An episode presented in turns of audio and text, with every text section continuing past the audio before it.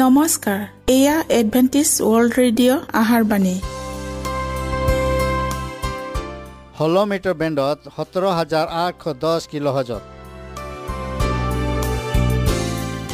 Adventist world radio যোগে অসমীয়া ভাষাত প্ৰচাৰিত আহাৰবাণী প্ৰত্যেক বুধবাৰ আৰু দেওবাৰ সন্ধিয়া সাত বজাত আহাৰবাণী শুনাৰ পিছত আপোনালোকৰ কিবা মন্তব্য আৰু প্ৰশ্ন থাকিলে আমালৈ এই ঠিকনাত লিখক। আমাৰ ঠিকনাটি হৈছে Adventist world radio' seven day Adventist মণ্ডলী অসম শাখা লতাকাটা বশিষ্ঠ গুৱাহাটী সাত আঠ এক শূন্য দুই ন।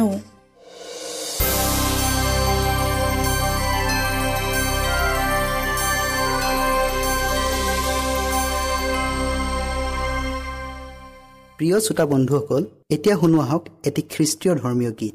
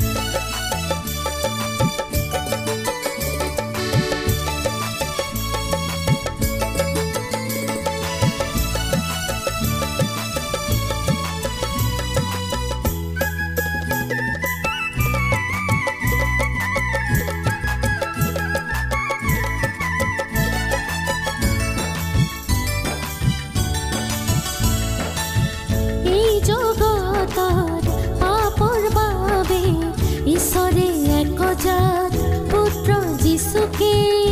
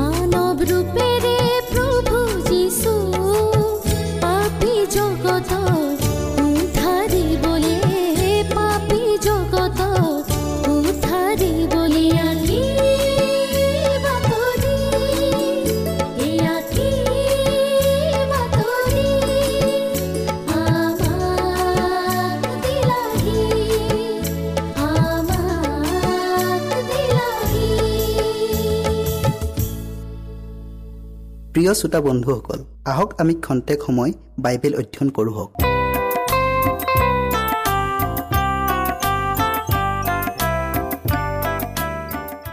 আজি আমি ধৰ্মধাম সূচী কৰাৰ বিষয়ে অধ্যয়ন কৰোঁ হওক। বাইবেল পত্ৰি লোৱা হৈছে দানিয়েল আদ অধ্যায়ৰ চৈধ্য পদ। তাতে তেওঁ মোক ক'লে দুই হাজাৰ তিনিশ গধূলি আৰু ৰাতিপুৱাৰ নিমিত্তে পাছত ধৰ্মধাম সূচী কৰা যাব। অধ্যয়ন কৰাৰ আগতে আমি প্ৰাৰ্থনা কৰোঁ হওক। সেই সৰ্বশক্তিমান প্ৰভু পুনৰাই আজি তোমাৰ বাক্য শুনিবলৈ এই সুযোগ দিলা। তাৰ বাবে তোমাক ধন্যবাদ জনাইছোঁ। প্ৰভু আমি বিশেষ ধৰ্মধামৰ বিষয়ে আজি অধ্যয়ন কৰিবলৈ আগবঢ়াইছোঁ। তুমি আমাক জ্ঞান আৰু বুদ্ধি দিয়া। পবিত্ৰ আত্মাৰ যোগেদি প্ৰত্যেক শ্ৰোতাৰ হৃদয় স্পৰ্শ কৰি দিয়া। যীশুৰ নামত খুজিলোঁ। আমেন। আমি ভাৱবাণীৰ একান্ত বাধ্য ছাত্ৰ ছাত্ৰী হোৱা উচিত। ধৰ্মধাম সম্পৰ্কীয় বিষয়ত আমি পাৰ্গত নোহোৱালৈকে আমি জিৰণি লোৱাটো অনুচিত। যিটোৰ বিষয়ে দানিয়েল আৰু জোহনে দৰ্শনত দেখা পাইছিল। আমাৰ বৰ্তমানৰ অৱস্থা আৰু কাৰ্যৰ ওপৰত এই বিষয়টোৱে বিশেষভাৱে আলোকপাত কৰিছে। আৰু ঈশ্বৰে যে আমাক আমাৰ অতীতৰ অভিজ্ঞতালৈ চলাই নিছে তাক নিৰ্ভুলকৈ প্ৰমাণ দিছে। ইং ওঠৰশ চৌৰাল্লিছ চনৰ নিৰাক্ষতাৰ বিষয়ে ব্যাখ্যা দিয়ে আৰু আমাক স্পষ্টকৈ দেখুৱাই দিয়ে যে ধৰ্মধাম সূচী কৰা কাৰ্যটো আমি ভবাৰ দৰে পৃথিৱীত সংঘটিত হোৱা নাছিল।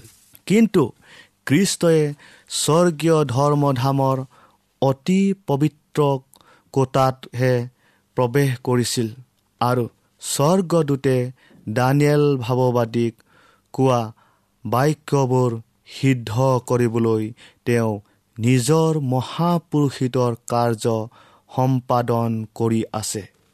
যেতিয়া অৰ্থক্ষেত্ৰ ৰজাই জেৰুজালেম মন্দিৰ পুনৰ নিৰ্মাণ অধ্যাদেশ জাৰি কৰিছিল। তেতিয়াই এই দুই হাজাৰ তিনিশ দিনবোৰ আৰম্ভ হোৱা দেখা যায়। যিটো খ্ৰীষ্টপূৰ্ব চাৰিশ সাতাৱন্ন চনৰ শৰৎকালত কাৰ্যকৰী হৈছিল। ইয়াক আৰম্ভণিৰ সীমা বুলি ধৰিলে।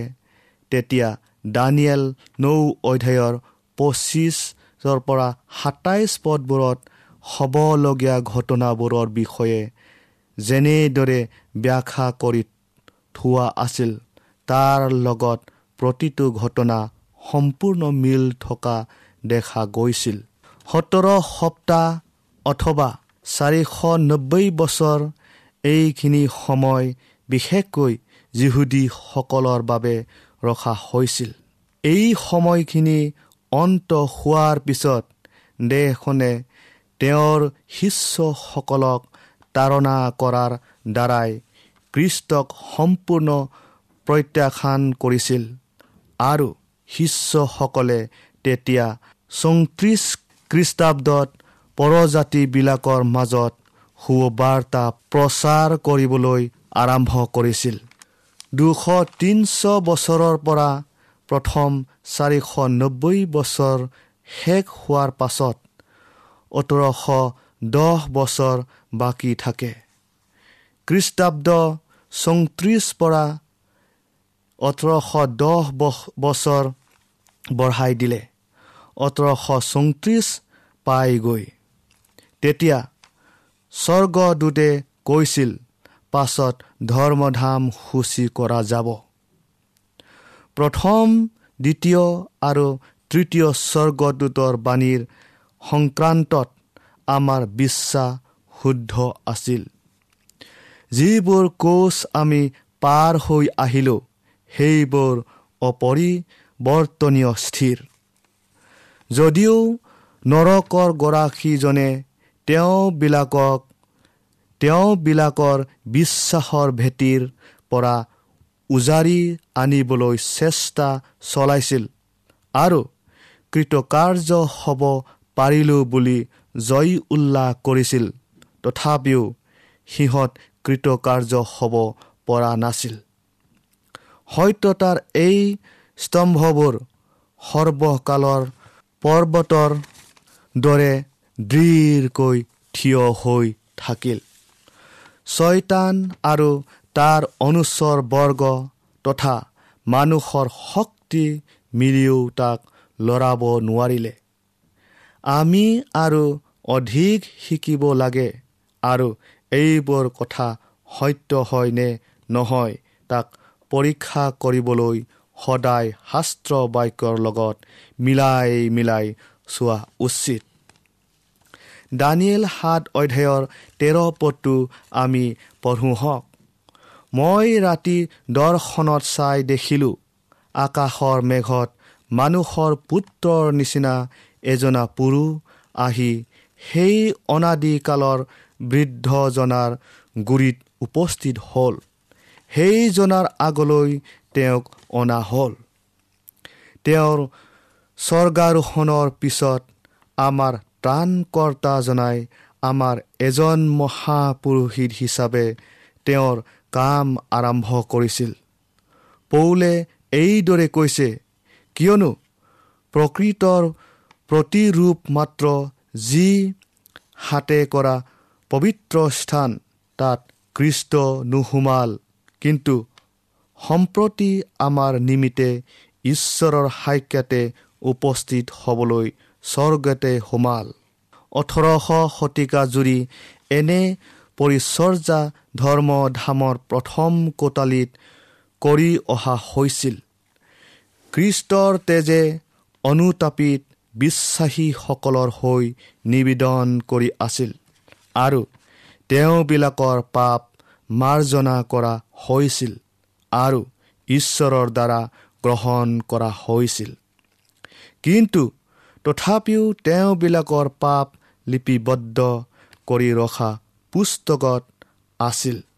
পৃথিৱীৰ ধৰ্মধামত পাপ প্ৰায়চিত্ৰৰ কাৰণে বছৰৰ শেষত যেনেকৈ এক বিশেষ কাৰ্য সম্পাদন কৰা হৈছিল ঠিক তেনেকৈ মানুহৰ পৰিত্ৰাণ কাৰ্য কৃষ্টই সম্পূৰ্ণ কৰাৰ আগতে স্বৰ্গীয় ধৰ্মধামৰ পৰা পাপ আঁতৰাবলৈ প্ৰায়চিত্ৰৰ এক বিশেষ কাম কৰিবলৈ বাকী আছিল। এয়া সেই কামেই আছিল যিটো কাম দুই হাজাৰ তিনিশ দিন অন্ত হোৱাৰ পাছত আৰম্ভ হৈছিল। এই সময়তে আমাৰ মহাপুৰুষে অতি পবিত্ৰ কোটাত প্ৰৱেশ কৰিছিল যাতে তেওঁৰ পবিত্ৰ কামৰ শেষ ভাগটো সম্পূৰ্ণ কৰিব পাৰে। ধৰ্মধাম সূচী কৰাৰ কাম। ধৰ্মধাম সূচী কৰিবলৈ আমাৰ মহাপুৰুষিত হিচাপে কৃষ্ট অতি পবিত্ৰ স্থানত প্ৰৱেশ কৰাৰ দৃশ্যটোক দানিয়েল আঠ অধ্যায়ৰ চৈধ্য পদত বৰ্ণনা কৰা হৈছে। মানুহৰ পুত্ৰজনাই অনাদিকালৰ থকা জনাৰ ওচৰলৈ অহাৰ দৃশ্যটো দানিয়েল সাত অধ্যায়ৰ তেৰ পদত উপস্থাপন কৰা হৈছে। আৰু ঈশ্বৰ জীহুৱাই নিজৰ মন্দিৰলৈ অহা কথাটো যাক মলাকী ভাৱবাদীৰ দ্বাৰা ভৱিষ্যবাণী কৰা হৈছিল। সেইবোৰ বৰ্ণনা সেই একেই ঘটনাৰ বিষয়ে কৰা হৈছে। আৰু ইয়াক মঠি পঁচিছ অধ্যায়ত স্বয়ং খ্ৰীষ্টই কোৱা দহজনী কইনাৰ দৃষ্টান্তটোৰ দ্বাৰাও সূচোৱা হৈছে। যি কইনা কেইজনীয়ে আহি থকা দৰা কইনাক আদৰিবলৈ ৰৈ আছিল। ধৰ্মধাম সূচী কৰা কাৰ্যত আন এটা কাৰ্যও জড়িত হৈ আছে। সেই কাৰ্যটো হৈছে অনুসন্ধানৰ কাৰ্য। সুদ বিচাৰৰ এটা কাৰ্য। কৃষ্টই তেওঁৰ লোকসকলক পৰিত্ৰাণ কৰাৰ পূৰ্বেই এই কাৰ্যটোক সমাপন কৰিবই লাগিব। কাৰণ যেতিয়া তেওঁ আহিব প্ৰতিজনৰ কৰ্ম অনুসৰি পুৰস্কাৰ দিবলৈ তেওঁ লগত তেওঁ পুৰস্কাৰ লৈ আহিব। কোনে কি স্থান অধিকাৰ কৰিব নাইবা কোনে কি পুৰস্কাৰ নাইবা শাস্তি পাব তাক অন্তিম নিৰ্ণয় লোৱা দিনাখন কাৰো মোকৰ্দমা তিল এটাৰ সমানো সাল সলনি কৰা নহ'ব। কৃষ্টৰ কাৰণে মানুহে নিজকে কিমান নিৰ্মল কিমান শুদ্ধতাত ৰাখিছে সেইবোৰ দ্বাৰাই সকলোৰে ঈশ্বৰ জিহুৱাই বিচাৰ কৰিব। প্ৰিয় শ্ৰোতা বন্ধুসকল আহক আমিও সুদ বিচাৰৰ শেষৰ দিনা মূল্যৱান পুৰস্কাৰ পাবৰ নিমিত্তে যুগুত কৰি ৰাখোঁ হওক খ্ৰীষ্টই আপোনালোকক আশীৰ্বাদ কৰক।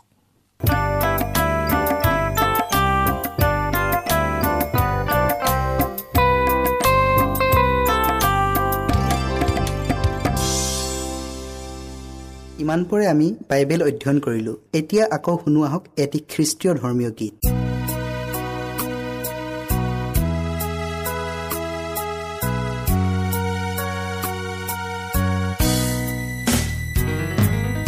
নতুন পৃথিৱী নতুন দিন নতুন সপোন দেখিবলৈ দিলা।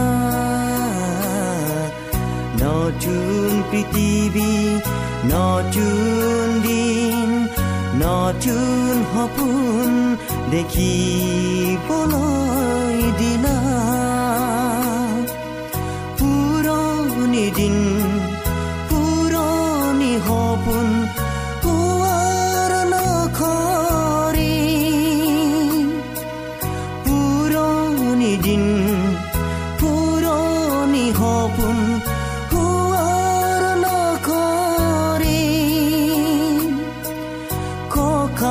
banding akbar notun yujo mere.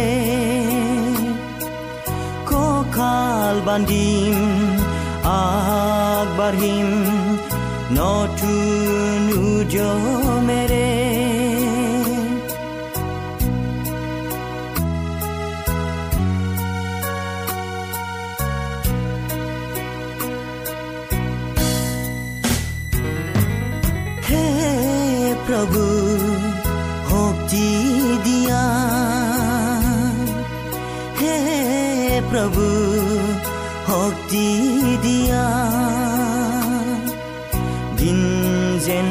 নাযায় অথলে।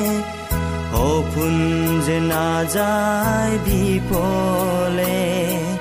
দিন যেন নাযায় অথলে। সপোন যে নাযায় বিপলে। এখোজে নাগবাঢ়িম ধৰ্ম পথ এখোজে নাগবাঢ়িম ধৰ্ম পথ শক্তি দিয়া প্ৰভু শক্তি দিয়া দিন যেন নাযায় অথলে। শক্তি দিয়া প্ৰভু শক্তি দিয়া দিন যেন নাযায় অথলে। নতুন পৃথিৱী নতুন দিন নতুন সপোন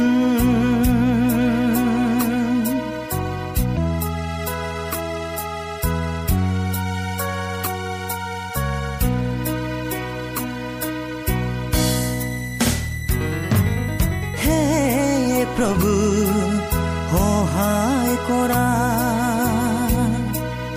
হে প্ৰভু সহায় কৰা। দিন যেন নাযায় অথলে আহা যে নাযায় বিপলে। দিন যেন নাযায় অথলে আহা যে নাযায় বিপলে। এখোজে নাগবাঢ়িম ধৰ্ম পতন।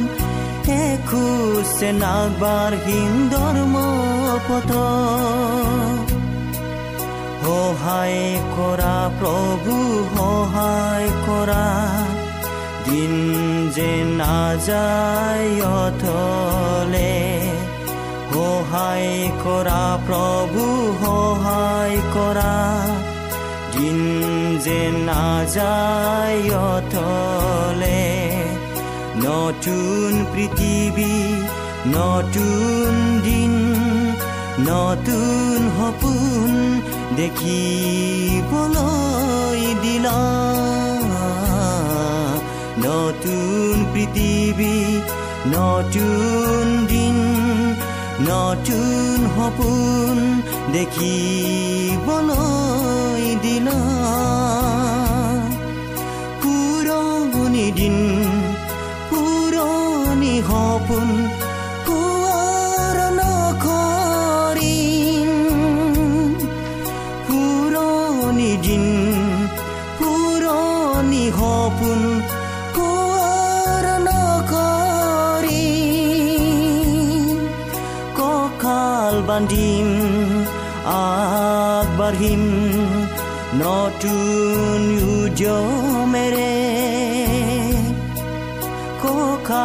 বান্ধিম আগবাঢ়িম নতুন উদ্যমেৰে নতুন পৃথিৱী নতুন দিন নতুন সপোন দেখিবলৈ দিলা নতুন পৃথিৱী নতুন দিন নতুন সপোন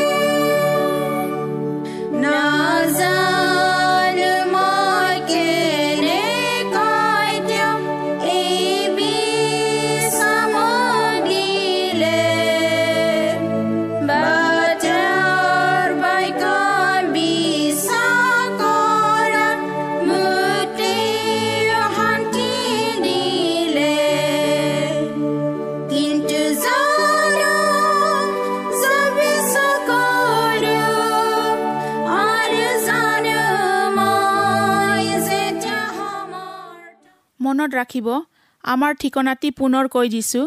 Adventist world radio' Assam region of seven day Adventist voice of hope Latakata Basistha Guwahati seven eight one zero' two nine প্ৰিয় শ্ৰোতা বন্ধুসকল এডভেণ্টিজ ৱৰ্ল্ড ৰেডিঅ' যোগে আহাৰবাণী প্ৰচাৰত আপোনালোকক পুনৰ লগ পোৱাৰ আহাৰে আজিলৈ সামৰিলোঁ। ধন্যবাদ।